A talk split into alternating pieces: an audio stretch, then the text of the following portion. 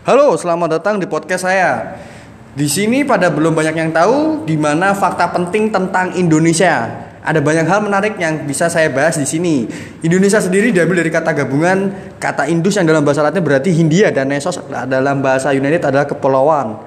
Gabungan dua kata tersebut pertama kali dikemukakan oleh James Logan, seorang editor Journal of the Indian Archipelago and Eastern Asia pada tahun 1850-an atas saran seorang ahli etnologi bangsa Inggris, George John Samuel Windsor Earl yang menyarankan istilah Indonesia atau Malayunesia yang merujuk pada penyebutan pulau-pulau di Hindia.